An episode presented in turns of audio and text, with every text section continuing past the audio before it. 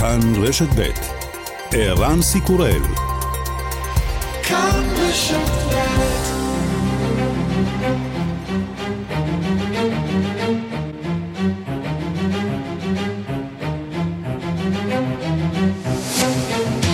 השעה הבינלאומית 14 במרס 2022 והיום בעולם עוד יום של משא ומתן בין רוסיה לאוקראינה עם תקווה מסוימת שרוסיה מיצתה את המהלך הצבאי. אוקראינה נחושה לקבל הפסקת אש מיידית. יועצו של נשיא אוקראינה אומר, עמדתנו לא השתנתה, אנחנו דורשים שלום, הפסקת אש מיידית, נסיגה של כל הכוחות הרוסים, ורק אז נוכל לדבר על יחסי שכנות. ועל פתרון פוליטי. אז להפציץ ערים ממעל רוסיה יודעת, האתגר הגדול ביותר הוא כיצד לשמר כיבוש מול אוכלוסייה אזרחית שלא מעוניינת בו. אתמול התקיימו הפגנות סוערות בעיר הכבושה חרסון. המפגינים דרשו מהצבא הרוסי לעזוב, החיילים פתחו באש לעבר המפגינים. מחירה של המלחמה כבד, סוכנות הידיעות AP מפרסמת אה, שהאישה שהובלה מבית החולים במריופול לאחר הפגזה רוסית הלכה לעולמה. סין דוחה את הטענה ולפיה קיבלה בקשה מרוסיה לסייע באספקת ציוד צבאי לכוחות הלוחמים באוקראינה. דובר משרד החוץ הסיני אומר, לאחרונה ארצות הברית מפיצה דיסאינפורמציה שמכוונת אה, לסין בנושא אוקראינה. מתוך כוונות זדוניות, עמדתה של סין בנושא אוקראינה ברורה ועקבית, אנחנו חותרים לשלום. ועוד בעולם, אה, הקורונה שהולכת אה, ונעלמת לה, לפחות אה, באופן חלקי, לא בסין, ירידה באירופה, עלייה בכמה מדינות אירופיות, ובכל זאת תחושה מסוימת של הקלה. בצרפת כבר חוזרים לרחבות הריקודים. ואפילו בברזיל כבר נערכים לקראת הסמבה, לקראת הקרנבל של ברזיל, שישטוף את הרחובות בשבועות הקרובים. השעה הבינלאומית שעורך זאב שניידר, מפיקה אורית שולץ, בביצוע הטכני שמעון דוקרקר ואמיר שמואלי. אני ערן סיקורל, אנחנו מתחילים.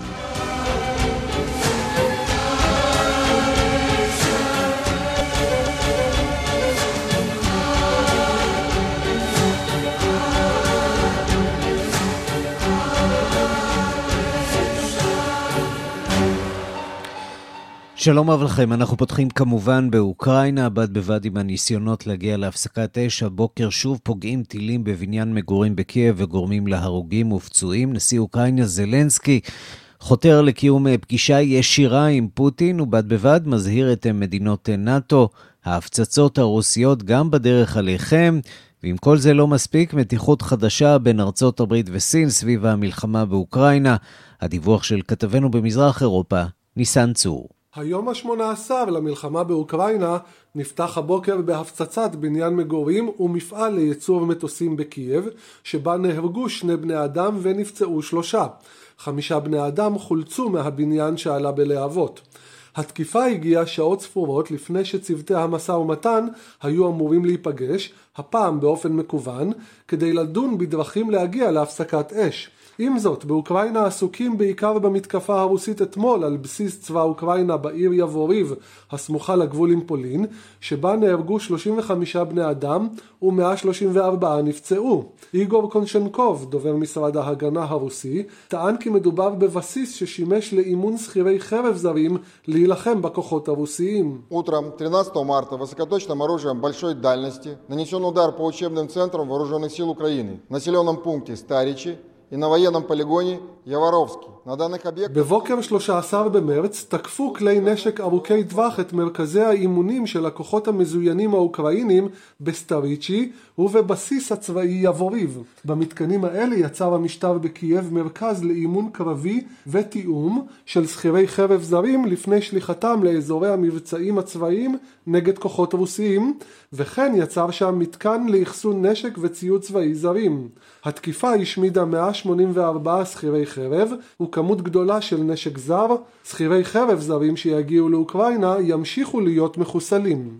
נשיא אוקראינה וולודימיר זלנסקי הכחיש כי הבסיס הצבאי שימש שכירי חרב זרים וציין כי הבסיס קרוב מאוד לפולין שהיא כזכור חברה בנאטו. 30 רקט на одну тільки Львівську область. Внаслідок обстрілу міжнародного центру миротворчості та безпеки загинуло 35 людей. Ще 134 людини отримали поранення. 30 טילים נורו על אזור אחד בלבד בלביב. בתקיפה במרכז הבינלאומי לשמירת השלום והביטחון נהרגו 35 בני אדם ו-134 נפצעו. לא היה שם שום דבר שיכול לאיים על שטחה של רוסיה. גבולות נאט"ו מרוחקים רק 20 קילומטרים משם. לאחר מכן שיגר זלנסקי אזהרה נוספת למנהיגי נאט"ו, ובה טען כי מדובר רק בעניין של זמן, עד שרוסיה תחל לתקוף גם בשטחי המדינות החברות בארגון. כזכור, מנהיגי נאט"ו וגם הנשיא ביידן הזהירו כי אם רוסיה תנסה לפגוע באחת ממדינות נאט"ו, הדבר ייחשב כהכרזת מלחמה, ויענה בתגובה צבאית מצד המדינות החברות. В минулому році я чітко попереджав лідерів НАТО, якщо не буде жорстких превентивних санкцій проти Російської Федерації, вона піде війною. Ми були праві. Я говорив протягом довгого часу. Північний потік це зброя, яка בשנה שעברה שיגרתי אזהרה ברורה למנהיגי נאט"ו, שאם לא יהיו סנקציות מונעות קשוחות נגד רוסיה, היא תתחיל במלחמה. צדקנו. כבר הרבה זמן אני אומר שצינור הגז נורדסטרים הוא נשק שיפגע באירופה. כעת זה ברור, וכעת אני חוזר שוב, אם לא תסגרו את השמיים שלנו, זה רק עניין של זמן עד שטילים רוסיים ייפלו על השטח שלכם, שטחי נאט"ו, ועל בתיהם של אזרחי מדינות נאט"ו. ובמקביל להמשך הלחימה, נמשכים גם הניסיונות להגיע להפסקת אש. צוותי המשא ומתן של רוסיה ואוקראינה נפגשו הבוקר באופן מקוון על מנת לדון בהפסקת אש ובהמשך קיום המסדרונות ההומניטריים שיאפשרו לאזרחים להימלט מאזורי הקרבות. זלנסקי אמר כי הורה לצוות המשא ומתן האוקראיני ללחוץ על קיום פגישה ישירה בינו לנשיא רוסיה פוטין. щоденно у відеоформаті говорять представники наших делегацій, делегацій наших країн. У нашої делегації завдання чітке зробити усе, щоб відбулася зустріч президентів. נציגי המדינות שלנו מקיימים שיחות יומיות באמצעות ועידת וידאו. למשלחת שלנו יש משימה ברורה לעשות הכל לארגן פגישה בין שני הנשיאים. הפגישה שאני בטוח שכל האנשים מחכים לה. ברור שזה סיפור קשה, דרך קשה, אבל אנו חייבים למצוא את השביל לכך. ואל תוך המתיחות הצבאית בין רוסיה ואוקראינה, נוספה אתמול גם מתיחות בין ארצות הברית וסין. לאחר שמשרד החוץ האמריקאי טען כי רוסיה ביקשה סיוע בציוד צבאי מסין, תקף דובר משרד החוץ הסיני, ז'ואאו ליאן, את ההודעה האמריקנית וטען כי היא נובעת מכוונות זדון. 近期美方在乌克兰问题上接二连三的散布针对中国的虚假信息，用心险恶。 中方在乌克兰问题上的立场是一贯的明确的。 לאחרונה ארצות הברית מפיצה דיסאינפורמציה עקבית המכוונת לסין בנושא האוקראיני, מתוך כוונות זדוניות. עמדתה של סין בנושא האוקראיני הייתה ברורה ועקבית לאורך כל הזמן. שר החוץ האוקראיני, דמיטרו קולבה, קרא הבוקר למדינות המערב לספק נשק וציוד צבאי נוסף לאוקראינה לקראת אולי מתקפה על קייב שתגיע בימים הקרובים. ניסן צור, פולין. לנו לאוקראינה יאיר ויינרב. ערן זיגורל, שלום. צהריים טובים. מה שלומך שם? אנחנו בסדר. אנחנו ממשיכים להסתובב כאן כדי להביא את התמונות והקולות ממה שקורה במערב המדינה. אה, שוב, בוקר לא כל כך שקט. אה, מגדל תקשורת אה, שנמצא משהו כמו 100 קילומטרים, שעה נסיעה מגבול בלרוס הופצץ הבוקר. היו אזעקות במחוז לביב, כולל בעיר לביב, היכן שאנחנו משתכנים. אה, הרוסים ממשיכים אה, בתקיפות האוויריות על יעדים במערב, בינתיים רק מהאוויר. אה, הלחימה הקרקעית, אנחנו יודעים, נמשכת וביתר שאת במזרח, וזה כמובן מתגבר. יצאנו היום לאזורים הכפריים במערב, התושבים, הרשויות נערכות לשלב הבא, שהם מקווים כמובן שלא יקרה, אבל אחרי המהלומות האוויריות האלה, הם מעריכים, ואולי במידה רבה של צדק, שתהיה גם פלישה קרקעית אה, של אה, כוחות לאזור אה, מערב אוקראינה, וזה אומר יותר מחסומים ויותר כוחות ושוטרים וחיילים. אבל לצד זה, גם שגרת חיים. זה, זה מוכר, זה מאוד הזכיר לי, אגב, את מה שקורה. אצלנו בדרום המדינה, כשמתחמם שם בדרום, שגרה לצד, לצד רגעים של אימה, כן, זאת ההגדרה המדויקת. אנחנו נמצאים עכשיו, ערן, במקום מאוד מעניין. אה, אני מקווה שאני אומר אה, את השם נכון של העיירה הזאת, אה, ז'וב קווה, ז'וב קווה. אה, זה נמצא במערב, 45 אלף תושבים במונחים אוקראינים, זאת עיירה קטנה, או עיר קטנה, ויש פה מרכז הומניטרי גדול שמגיעים אליו תרומות מכל אירופה, אבל מה שיותר מעניין, כי מרכזים כאלה ראינו, הגיעו לכאן שלושה לוחמי קומנדו שהם אינם אוקראינים, מיוון, והם התנדבו, mm-hmm. הם חיפשו מקום כדי לבוא ולאמן אה, תושבים, אוכלוסייה מקומית, לאמן אותם לקראת הבאות. אה, והם הקימו פה מחנה אימונים באחד השטחים שצמודים לעיר, לעיר עצמה, ואתה רואה כאן נשים וגברים וזקנים וגם צעירים, צעירים ממש, שלומדים לראות בקלצ'ניקוב.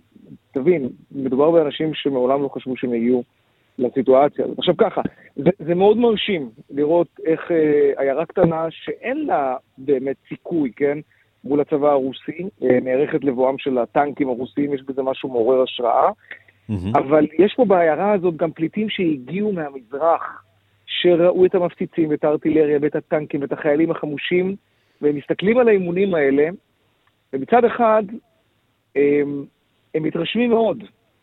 הם אומרים, וואו, הם לוקחים את גורלם בידם, זה, זה, זה, זה דבר שאי אפשר לבטל אותו, וצריך כמובן להעריך אותו, אולי להריץ אותו. Mm-hmm. אבל הם ראו במו עיניהם אה, את כוחו של הצבא הרוסי, ואני לא בטוח שהם לא הופכים במוחם ותוהים עד כמה הדבר הזה נחוץ, כי, כי מה שאנחנו רואים פה זה מרשים ככל שיהיה, אבל זה לא משהו שבאמת יכול לעצור את מה שהם ראו במו עיניהם בערים שלהם, במזרח אה, אוקראינה. ראש העיר מצד שני, יש, יש משמעות כן. לשחיקה האיטית הזאת, וראינו אה, רק אה, ביממה האחרונה הפגנות כן. בחרסון.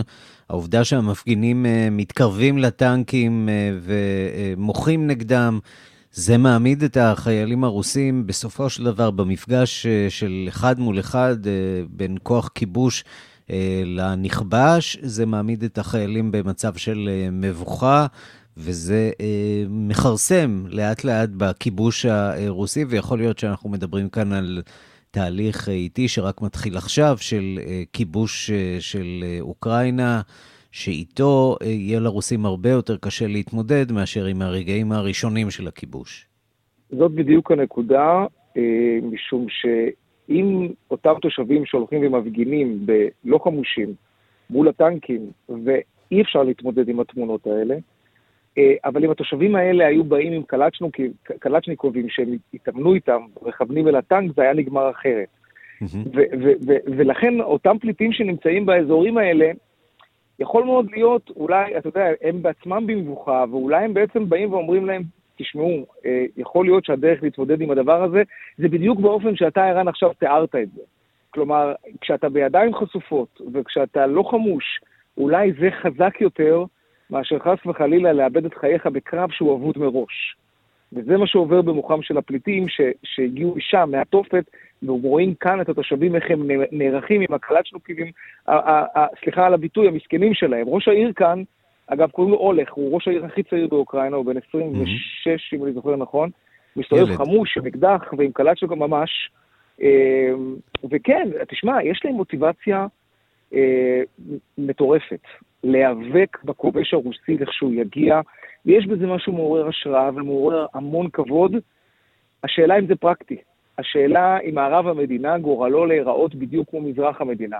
ויכול מאוד להיות שמאבק אחר, לא, לא להיכנע חלילה לכיבוש, זה בוודאי שלא, כן? אני, אני יכול להבין ולהתחבר לאתוס הזה של להילחם בכובש עד טיפת הדם האחרונה, לחלוטין.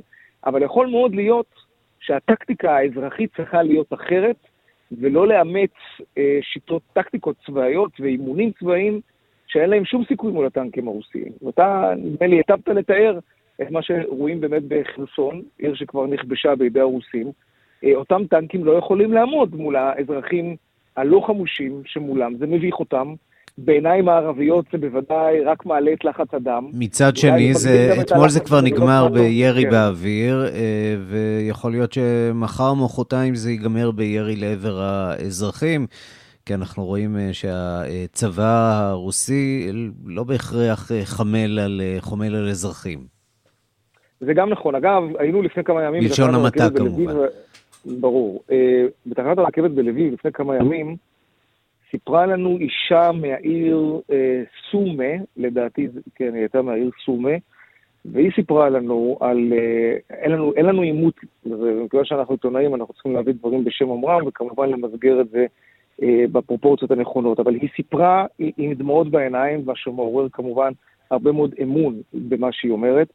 אה, אבל, אבל היא סיפרה שחיילים רוסיים משתמשים באוכלוסייה המקומית כמגינים אנושיים, מפני הכוחות האוקראינים שמשווים שם מלחמה שערה, כפי שאנחנו אה, רואים בכמעט שלושה שבועות האחרונים. אה, אז יכול מאוד להיות שהצבא הרוסי, אתה יודע, גם, גם חושיו יקרו באיזשהו שלב, ו- ואולי באמת אזרחים לא חמושים. אגב, זו תכונה אנושית שראינו אותה גם בהרבה מאוד מלחמות אחרות, שבהן ילדים הופכים בעצם להיות רוצחים. כן, מלחמה, כן. למלחמה יש חוקים משלה. אה, תראה איך שאתה לא מסתכל על זה, המצב הוא כאוטי. גם מהבחינה הזאת שאתה מנסה לנתח סוציולוגית את איך חברה אזרחית מתמודדת עם צבא שהצליח אה, להדוף את הצבא המקומי. יש לזה המון אספקטים, אה, ואנשים כאן חושבים, אנשים עוצרים לרגע ומנסים לחשוב מה אנחנו עושים מפה והלאה. דבר אחד אני יכול להגיד לך, כן. כמו חומה בצורה מאחורי זלנסקי. ואתה יודע מה? אנחנו מקשים, יובב בוטבול ואני, כשאנחנו מראיינים פה את האוכלוסייה המקומית, אנחנו ממש מקשים עליהם. בשביל מה הייתם צריכים את זה? אולי הנשיא הקודם היה יכול להיות יותר פרקטי.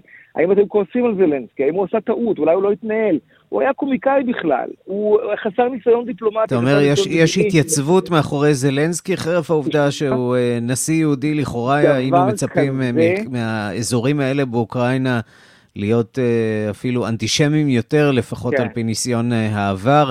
העבר, ופה אנחנו כן. רואים איזה סוג של uh, התייצבות מאחורי זלנסקי, זה בהחלט זה uh, מעניין. זה ממש מדהים, כי, כי במדינה חופשית היית מצפה שיהיו קולות לכאן או לכאן, ו, ו, וזה לא, אתה, אתה כמו חומה בצורה מאחוריו, וזה זה, זה מאוד מרשים. טוב, אין ספק שהוא משחק, זורק את הקלפים שלו נכון, בוא נראה אם זה יסתיים נכון, כיוון שזה יכול לעלות לו בחייו. עובדה שהוא מתעקש להישאר אה, בקייב. יאיר ויינרב, שליח כאן כן. חדשות ללביב שבאוקראינה. תודה רבה. תודה. השעה הבינלאומית, ארצות הברית מתבוננת בחזית אה, נוספת במערכה לבלימת רוסיה. סין, האמריקנים סבורים שפוטין נעזר בסינים כדי לעקוף את העיצומים וכדי להצטייד בנשק. שלום לכתבנו בוושינגטון, נתן גוטמן. שלום ערן. איך רואה ארצות הברית את התפקיד של סין בעימות הזה? היא רואה אותו בדאגה הולכת וגוברת, ולכן אנחנו גם אה, נראה היום אה, מפגש אה, רם דרג בין בכירים אמריקנים וסינים. החשש האמריקני הוא שסין תנסה, או שרוסיה מנסה בעצם, למשוך את סין אל מחוץ לעמדה הכאילו ניטרלית שסין הכריזה עליה, מכיוון שהיא זקוקה לה מאוד בשלב הזה. הרוסים, כפי שכולנו יודעים, צריכים הרבה דברים בגלל שהמלחמה לא מתנהלת היטב, בעיקר הם צריכים ציוד צבאי באופן דחוף, אבל גם סיוע כלכלי ועזרה בעקיפת הסנקציות כדי להשאיר את הכלכלה שלהם בחיים, ולכן הם פונים לבייג'ין. ככה האמריקנים אומרים, הסינים אגב מכחישים שהם קיבלו פנייה, אה, הרוסים, סליחה, מכחישים שהם אה, פנו לסין כדי לקבל אה, סיוע צבאי. אבל בסופו של דבר ברור שהציר הזה קיים כל העת. ההנחה עד עכשיו של האמריקנים הייתה שסין יושבת בצד, מוכנה תמיד להיכנס בצד הכלכלי כדי לקנות את הנפט והגז שהיא זקוקה להם מרוסיה גם בעידן של עיצומים, אבל לא מתערבת צבאית, גם לא באמצעות ציוד צבאי, כי היא יודעת שהיא תשלם מחיר כבד על כך, כי היא תצטרף גם היא למעגל הסנקציות, אבל עכשיו פוטין מבקש, וזו בעצם רגע של, זה, זה בעצם רגע של החלטה עבור בייג'ין, האם הם נהפכים לפרו-רוסים באופן מובהק יותר, ובעצם מציבים אתגר גדול לארצות הברית המערב, או שהם ממשיכים לשמור על איזושהי מחזות של ניטרליות, כדי לאפשר להם לשרוד את המאבק הזה ועדיין להשיג את מה שהם מעוניינים בו, שזה ערעור של ההגמוניה האמריקנית או של מצב של עולם חד-קוטבי. האמריקנים, מבחינת ארה"ב, זה לא רק המישור הצבאי, אלא גם בסופו של דבר המישור הכלכלי, כי ארה"ב מאמינה שהסנקציות שהוטלו על פוטין הולכות ונותנות את אותותיהן. הנה דברים שאמרה בנושא הזה סגנית אה, שרת החוץ ונדי שרמן בריאיון אתמול. To put enormous pressure on Vladimir Putin to try to change his calculus, to end this war, to get a ceasefire in the first instance, to get humanitarian corridors, and to end this invasion. That pressure is beginning to have some effect. We are seeing some signs of a willingness to have real, serious negotiations. But I have to say, as your reporter said, so far it appears that Vladimir Putin is intent on destroying Ukraine. We need to help Ukrainians in every way we can. כן, אנחנו מתחילים להרגיש שהסנקציות האלה משפיעות על פוטין, ולכן יש קצת יותר נכונות לנהל משא ומתן אמיתי, אבל ההערכה של האמריקאי, לפי דבריה של ונדי שרמן, היא שפוטין עדיין נחוש להרוס את אוקראינה. כן, ובמישור הצבאי ארה"ב ממשיכה להזרים ציוד וסיוע לאוקראינים. בשלב הזה זה עדיין לא נראה כאילו שזה משנה את המשוואה. ארצות הברית עומדת בעמדתה, אין לה שום כוונה להיכנס צבאית לתוך שטח אוקראינה, אבל היה ותקרה איזושהי טעות וטיל ייפול בשטח פולין, זה כבר פותח את שערי הגיהנום לרוסיה. נכון, ולכן ראינו בעצם את התזכורת הזאת בסוף השבוע האחרון, כאשר רוסיה כן בחרה לתקוף את אותו מתקן אימונים ממש על גבול פולין, ושוב התעוררה השאלה מה תעשה ארצות הברית, האמריקנים מבהירים, אין פה כאן שום ספק, ברגע שמדינה שחברה בנאטו תותקף על ידי הרוסים, יופעל סעיף 5 לאמנת הברית, וארצות הברית והמדינות כולן יתייצבו להגנתה של המדינה המותקפת, כך שבעצם השאלה היא האם פוטין עשה את זה בכוונה קרוב כל כך לגבול, האם הוא רוצה קצת לבחון את הגבולות של ארצות הברית, אבל יש שאלה גם אחרת שמתמודדים איתה בארצות הברית, איך מתעסקים, איך משיבים בעצם לטענה הזאת של פוטין, לפיה כל העברה של ציוד צבאי גם היא כמוה כהכרזת מלחמה. האם זה אומר שהכנסת השיירות האלה עם הציוד הצבאי הם, תפעיל גם היא איזושהי תגובה צבאית הם, רוסית נגד האמריקנים או נגד מדינות נאט"ו? מה זה אומר לגבי האפשרות הזאת שעדיין קיימת באופן תיאורטי אבל לא מעשי של העברת מטוסי קרב לתוך שטח אוקראינה? כל השאלות האלה עדיין פתוחות. הגישה האמריקנית, לפחות בינתיים, היא שכל עוד אין פגיעה ישירה במדינות נאט"ו, אין התערבות צבאית ישירה. נתן גוטמן, כתבנו בוושינגטון, תודה. תודה רבה. שלום לפרופסור אבי בן צבי, ראש התוכנית לדיפלומטיה באוניברסיטת חיפה, מומחה לארצות הברית. שלום וברכה גם לך, ערן. בוא נגיד כמה מילים על התפקוד של ג'ו ביידן במשבר הזה. בינתיים אה, לא משהו, נכון? אני חושב שהוא אה, אה, איטי, אה, מסורבל, ואני חושב שהוא מש, מת, אה, מתקשה מאוד להשתחרר מהקונספציות המוקדמות שלו. הקונספציה הבסיסית שלו הייתה שאיפה להתכנס בתוככי המרחב האמריקני, וברגע שהוא רואה הוויה מרדנית שלא תואמת את הדימוי שלו ואת הרצון שלו להתמקד בנושאים כמו אינפלציה, מלחמה בקורונה וכן הלאה, אז הוא מתקשה להסתגל למציאות החדשה וכן מתנתק בחל, מחלק מהשקפת עולמו, אבל באיטיות ובצורה מאוד מדורגת, ואנחנו רואים את זה בטפטוף הזה של סיוע צבאי למדינות נאט"ו הגובלות באוקראינה, אבל אני לא רואה עדיין נכונות לקחת סיכון מינימלי ולמעשה להגביר את הזרם של הסיוע ולשרטט קווים אדומים מאוד מובהקים, מאוד ברורים. דווקא צריך להגיד שגם בעם האמריקאי אין תמיכה לדבר הזה, אין תמיכה נכון, לפעולה צבאית. מצד שני, לא לפעמים המנהיג הוא זה שצריך נכון. להוביל את העם ולהגיד. חברים, אנחנו נמצאים במלחמת עולם שלישית, נכון. בצורה כזאת או אחרת, או בטרום מלחמת עולם שלישית, ואנחנו. חייבים לפעול, אחרת יהיה מאוחר מדי. האומה האמריקאית נמצאת בדיסוננס, היא לא רוצה להתערב צבאית וזה כבר uh, בעצם אקסיומה. מצד שני, הם רואים את הזוועה, הם רואים את המראות כאן, כאן כך שיש איזה דיסוננס קוגניטיבי, יש איזה uh, תפיסה שהייתי אומר מורכבת יותר, הם רוצים להפסיק את הזוועות להעניש את פוטין, אבל בלי כמובן ללכלך יותר מדי את האצבעות. צריך יותר בכל אופן נחישות והשתחררות מוסכמות, ודווקא הנשיא קרטר, שנחשב למאוד חלש ורופף, מיד לאחר הפלישה הסובייטית לאפגניסטן ב-1979, ב-26 בדצמבר, הוא שינה את עורו, הוא אומר, שיניתי את תפיסתי לגבי ברז'נב ב-180 מעלות ב-24 השעות האחרונות, והשנה האחרונה, מהיום הראשון של הפלישה לנשיאותו, הייתה המלחמה הקרה השנייה. כלומר, אלף ואחד צעדי בלימה ויצירת צבא המוג'הידין בפקיסטן וכוח פריסה מהירה. אצל אה, ביידן זה הרבה יותר איטי, וגם הדליברי שלו. הוא לא מקרין עוצמה ומנהיגות ונחישות, למרות שהמילים שלו הן מאוד נוקבות ומאוד קשוחות.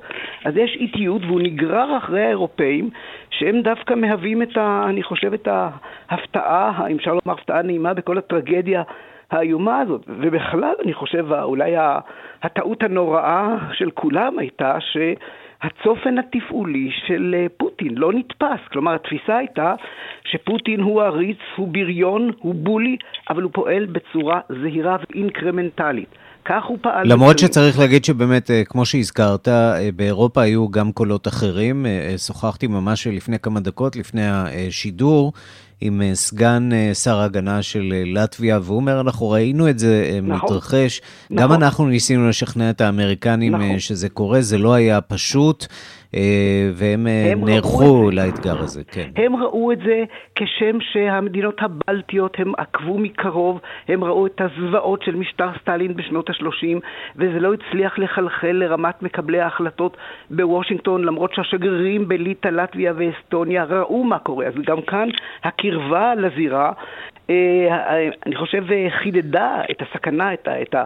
תרשה לי אה, לנחש שגם הפינים שהם לא חברים כן. אה, בברית נאט"ו ראו את זה, יש להם ניסיון לא מוצלח, או כן מוצלח בעניין הזה. מוצלח. אה, כואב, אבל זה מה ש... זאת האנלוגיה כואב, כן. באמת, שאני חושב שגם אה, פוטין לא קלט. זאת אומרת, פוטין אה, לא קלט שדווקא הזיכרון של 1940, מלחמת החורף עם פינלנד, שבעצם היה איזה ניצחון פירוס, ארבעה וחצי חודשים של הקזת דם אה, סובייטי, כשהפינים נלחמו בגבורה עם אותם אה, אה, כוחות באמת, גרשיים סיביריים שלהם, איילים ומגלשי סקי שהיכו ברוסים, ולמרות הפער העצום ביכולות, הניצחון האסטרטגי בסופו של דבר היה של הפינים, ורוסיה היום לא קלטה את רמת המוטיבציה של אוקראינה, הסתכלה על כל המשחק, המאבק הזה במונחים של יכולות צבאיות. זו טעות איומה, אני לא יודע מי טעה יותר, המערב או פוטין, אה, פוטין שהוא מבודד וסגור וכנראה נכנס לאיזשהו הלוך רוח אה, אימפריאליסטי אה, גובל בניתוק טוטאלי מהמציאות. או האמריקאים שחשבו, וביידן אמר, אם תהיה פעולה קטנה, דונייצק, נגיב בתגובה מינורית, אבל אם תהיה תגובה יותר גדולה, אבל התגובה, הפעולה הקטנה הייתה גם בגיאורגיה, הייתה גם בעצם בקרים, היה גם בהתחלת הזחילה והנגיסה של דונייצק ומזרח אוקראינה. אז לפתע פולשים לתוך אה, ישות ריבונית עצמאית לגיטימית. אני חושב שזו הייתה הפתעה אסטרטגית, ובמובן הזה צריכה להיות התפכחות, צריך לסמן מחדש את כללי המשחק של המערכת הבינלאומית. אתה יודע, האירוע הבין-מעצמתי הכי מסוכן לא היה משבר הטילים עד כה. זה היה משבר 1984, תרגיל של נאט"ו אה, רחב מאוד, יחד עם הרטוריקה של רייגן, אה, הפחיד את, את אנדרופוב, והוא חשש שהולכת כאן להתבשל איזה מתקפה גרעינית, והוא כמעט הגיב באופן אה, באמת הסלמתי. ונדמה לי שכל ה... היום אנחנו עומדים על סף גם ביטויים שחזרו מתהום הנשייה, הליכה על הסף, ברינקמנשיפ, מעידה, מלחמה בשוגג. חשבת שנאלץ להתמודד עם המושגים האלה אחרי 30 אה, שנה לא. של עולם אה, חד-קוטבי, אה, שהופך להיות הרבה הרבה פחות חד-קוטבי? ממש לא, לא רק שהוא פחות חד-קוטבי, אלא נדמה לי שכאן החולשה האמריקאית, שהייתה באמת הרצון להתכנס בבית, יצרה איזושהי אשליה ש, שבאיזשהו מקום אה, הכל פתוח והכל מותר, ולכן גם אתה רואה היום את פתאום עוד פעם שיגור הטילים של, הטילים של צפון קוריאה. אתה שומע את איראן. כל חלקי תגיד, יכול להיות שלטראמפ היה מרשם אה, טוב יותר להתמודדות עם הרודנים האלה, כיוון אני ש... אני חושב שאומנם, זו שאלה נהדרת, אמנם טראמפ התרפס בפני פוטין אה, ארבע שנים רצופות, אבל הוא יכול להיות, להיות גם שהוא נבחר בזכותו. אבל נדמה לי שהיה לו את אותו ביטוי שגם כן חוזר אה, מאותם ימים רחוקים לכאורה של המלחמה הקרה, הרציונלי של הבלתי רציונלי. טראמפ היה במרחק של דקות מ... איזושהי הפצצה, פעולה צבאית נגד איראן. לכן הרציונלי בלתי רציונלי זה כאילו שאתה משחק אותך, אתה משחק אותה שאתה מוכן לכל, אתה מוכן לקחת כל סיכון. בעל הבית השתגע. זאת אומרת, העובדה ש... שטראמפ שידר איזה סוג של אה, חוסר נכון. יציבות, אה, כולל נפשית. שזה מרתיע. שזה יוצר אי ודאות. זה הרתיע במידת מה, מה שלא קורה עם ביידן המחושב. ניקיטה חושצ'וב, שב-1960 עומד על במת האו"ם, חולץ את נעלו וחובט בה על הדוכן. זאת אומרת, זה גם בכוונה תחילה ליצור את התחושה שהוא בלתי צפוי. כלומר, לא הכל אה, זהיר ומרוסן ולפי כללי המשחק. ליצור בתחושה, אפילו שיעור הפחד מאי-ודאות, קרא לזה תומאס שלינג. ולכן אני חושב שאנחנו צריכים, שהתוצאה בסופו של דבר תהיה כמובן הוקעת רוסיה וסימון מחדש של מה מותר ומה אסור, כי משהו כאן נפרץ. משהו כאן נפרץ בהתחלה באופן מדורג ועכשיו באופן גורף. ונדמה לי שאם אפשר לסמן מחדש לא רק את, ה, את הגושים, אבל כללי משחק ביחסים בינלאומיים זה לא דבר של משפט בינלאומי והאו"ם. אגב, שמעת על האו"ם בזמן האחרון? לא שמעתי דבר.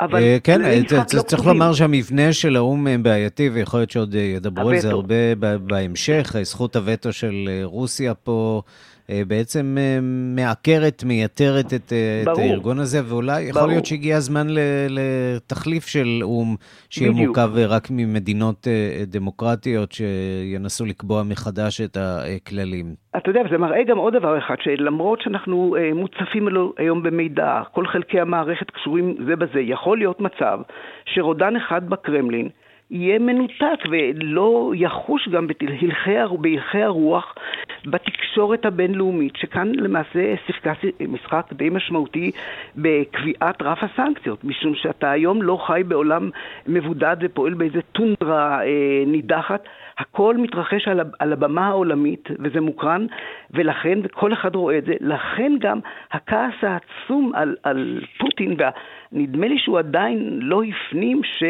יש אה, חלקים במערכת הבינלאומית שמתנהלים בצורה אחרת, שאופי המשטר שונה, ואולי זה לקח מאוד מר גם מבחינת, אה, אה, מבחינת העתיד שלו. אתם רואים פתאום סימני, לא הייתי אומר מרי, אבל אי שביעות רצון, אפילו מהאוליגרכים שלו שהוא טיפח ומן הסתם מתחלקים בשלל. אני חושב שהפגיעה האנושה בכלכלה הסובייטית הרוסית זה לא דבר שראינו במשברים קודמים. Mm-hmm. כך שהמערב כן קם מרבצו, מקיפאונו, משנתו העמוקה, ודוחף את העית האמריקני להתנהג יותר כעית מאשר כחתלתול. ויש כאן גם, צריך לומר, הזדמנות של סין אולי לצאת מהמעמד הכמעט מוקצה מחמת מיאוס שלה מול מדינות המערב. אם היא כן. תפעל כאן אה, נכון ותזרוק את הקלפים שלה נכון כאן בעימות הזה, היא כרגע במידה מסוימת נדרשת אה, לבחור בין הברית אה, ארוכת השנים עם רוסיה. ליחסים תקינים עם המערב. יש לארצות הברית מה להציע לסין בתמורה לשיתוף פעולה? אני חושב שיש מגעים, זו הייתה טעות אסטרטגית קשה מאוד לראות את uh, סין ורוסיה כאחיות. שוב, איזה דימוי מוטעה מהמלחמה הקרה של שני ראשי ההידרה. אני חושב שמספיק חילוקי דעות עמוקים מפרידים בין הענקים האלה, אינטרסים שונים. אל תשכח את, את, את מלחמת הגבול ביניהן שהביאה לדטנט הגדול, הפריצה האמריקנית לסין. כך שאני חושב בנושא הסחר, אם אפשר להוריד את הפרופיל, ואפשר כמובן לא רק מלחמת הסחר, ש... ש ניהל אותה כמובן טראמפ, אבל יש נושאים שאפשר לדעתי להוריד את הפרופיל, לסמן לסינים את הקווים האדומים, זכויות יוצרים, וכמובן התשתיות שהם בונים, האסטרטגיות למעשה, הגלובליות. ים סין הדרומי תמורת uh, אוקראינה? שמתפרעים בו, שמתפרעים בו. למעשה. אבל אני חושב שאלה דברים בכל אופן שכבר קיימים אה, אה, על סדר היום שנים, כולל גם אה, עניין טיוואן. אבל אני לא חושב שסין פעלה, למעט כמובן באירועי הדמים שהיו באותה כיכר, אתה זוכר? אני חושב, אבל במישור הבינלאומי היא פעלה בצורה קצת יותר זהירה, ואני חושב שהם חוששים גם מפוטין עצמו. אני לא חושב שאין ביניהם חילוקי דעות שעוד הולכים אחורה לסוף מלחמת העולם השנייה, אותו ביקור היסטורי של מאו צטונג במוסקבה, שהיה חשש שהוא בכלל לא ישוב ממנו. אז נדמה לי שאפשר להגיע לאיזה מודוס ויבנדי, לא לסיפור אהבה ולא ל... אבל נדמה לי שהמערכת מכירה בכך, וגם המערכת הביטחונית האמריקאית מכירה בכך, שהאיום המיידי והמוחשי הוא רוסיה של פוטין, ונדמה לי שצריך לעשות איתחול מחדש, כי כל, הכל היה מובנה לכך שהאיום היחיד בזירה הבינלאומית זה האיום ארוך הטווח של סין והנמלים וההשתלטות שלה בכלל על... כל. זה עכשיו אה, השתנה כמובן, אה, לפחות אה, בטווח הקצר. פרופסור אבי בן צבי, ראש התוכנית לדיפלומטיה באוניברסיטת חיפה, מומחה לארצות הברית, תודה רבה לך. תודה גם לך, כל טוב.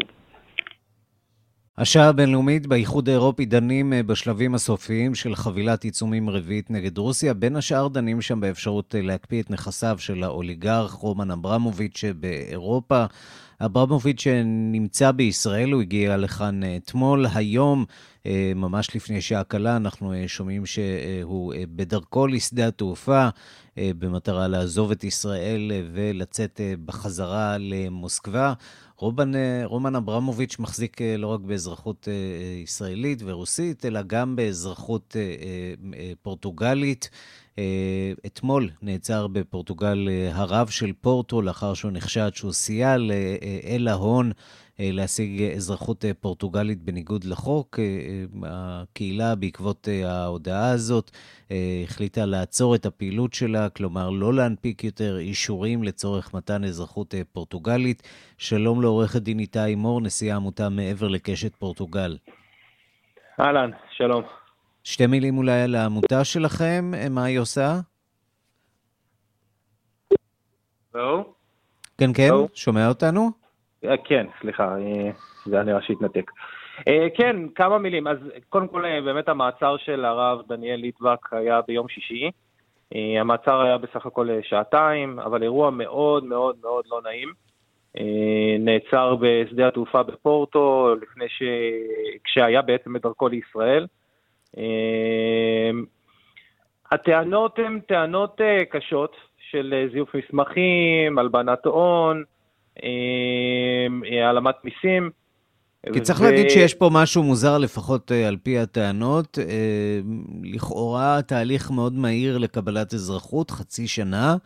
וגם, אה, בוא נודה על האמת, אברמוביץ' לא נשמע ממש אה, כמו יוצא יהדות ספרד אה, או פורטוגל. נכון.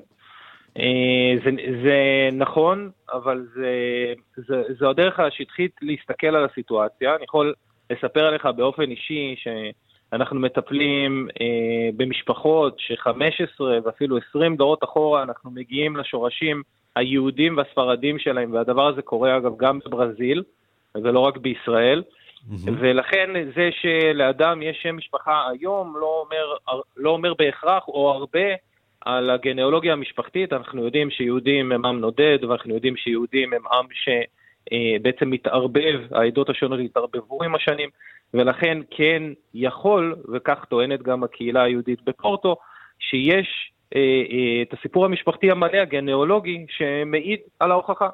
הטענות אבל הן טענות קשות יותר, זה טענות שהתקבלו כספים בצורה, בצורה לא תקינה. אה, מה שהקהילה היהודית אומרת זה שהתקבלה בסך הכל האגרה של 250 יורו.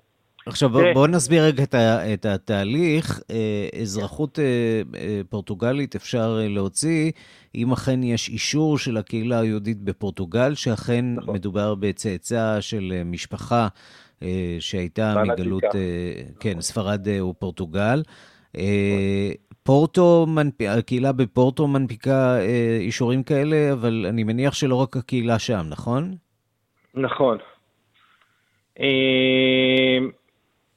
אז, אה, אז אתה צודק, יש קהילה נוספת, הקהילה בליסבון, שאני מניח שכרגע, כשפורטו בעצם אה, הודיעו על העצירה של ההנפקה שלהם, מרבית הבקשות יופנו לליסבון, שעובדת קצת שונה, קצת אחר.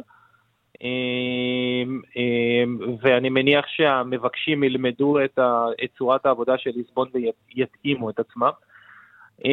אני חייב להגיד שהסיטואציה הזאת כרגע היא סיטואציה מאוד מאוד מאוד קשה עבור הקהילה כולה, עבור כל חברי הקהילה בפורטוגל ובפורטו, mm-hmm. וזה צובע אותנו, את כולנו, בצורה מאוד לא מחמיאה, ב understatement. תגיד, אה, כמה יהודים עד כה אה, הצליחו להוציא אה, אזרחות פורטוגלית?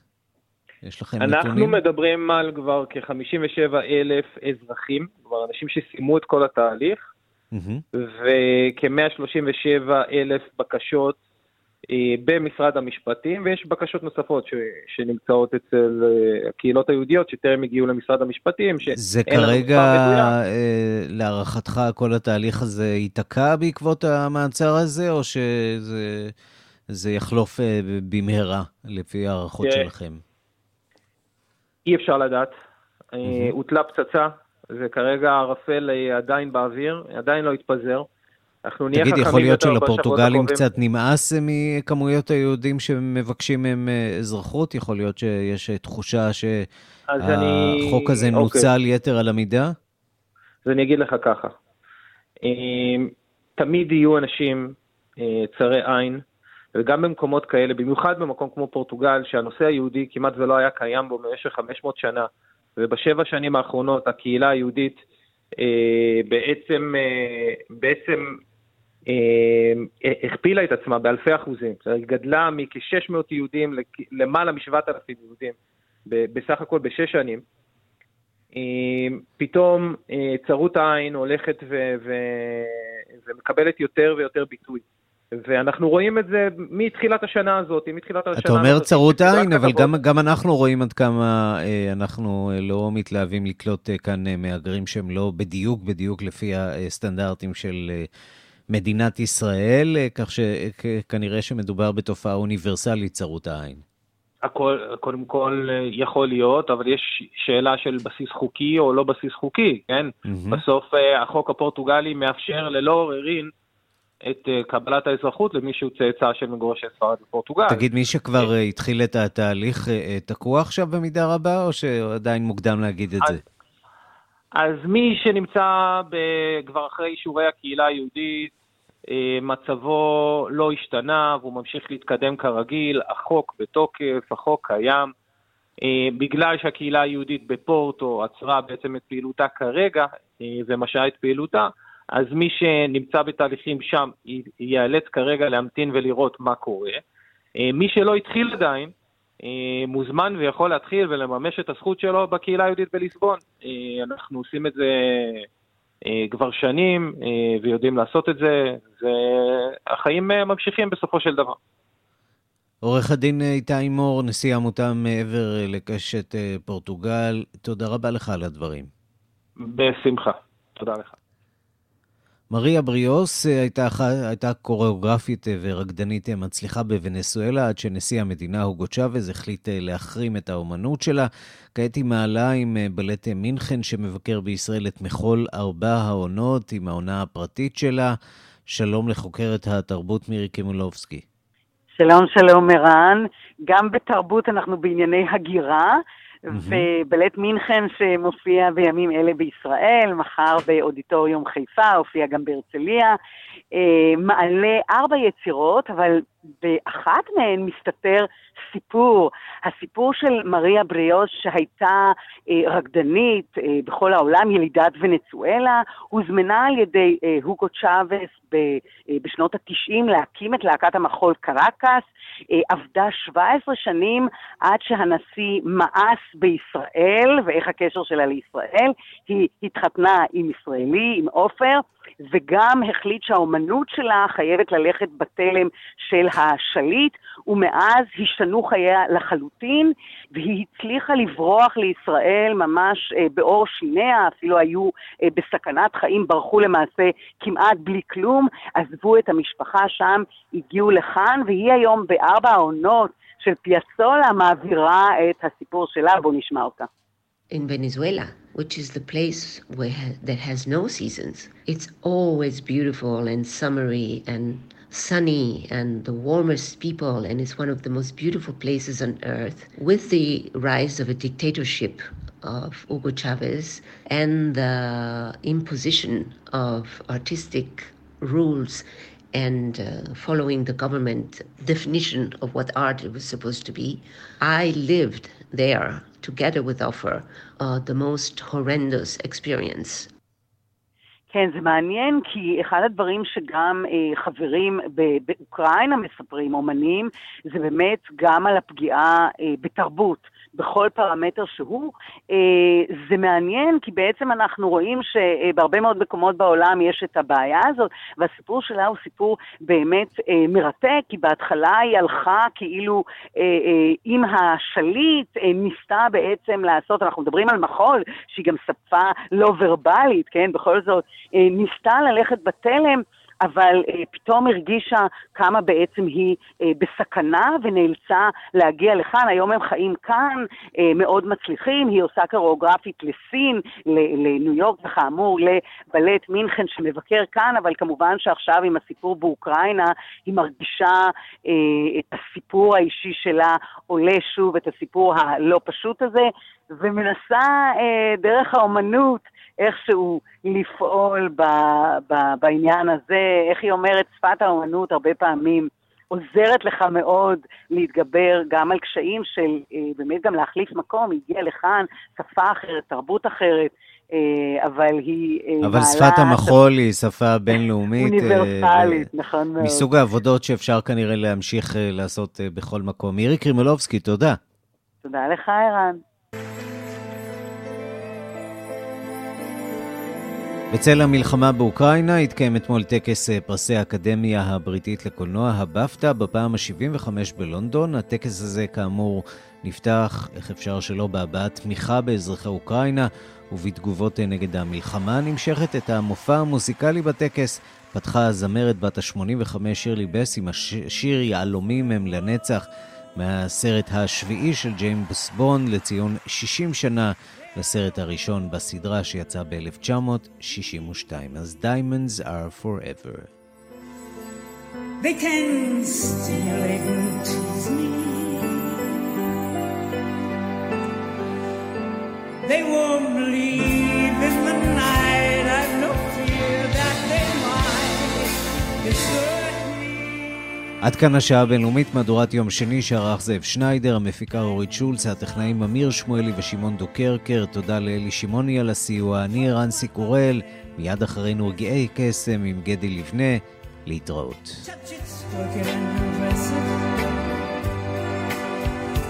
I can see every part, nothing hides in the to. I don't need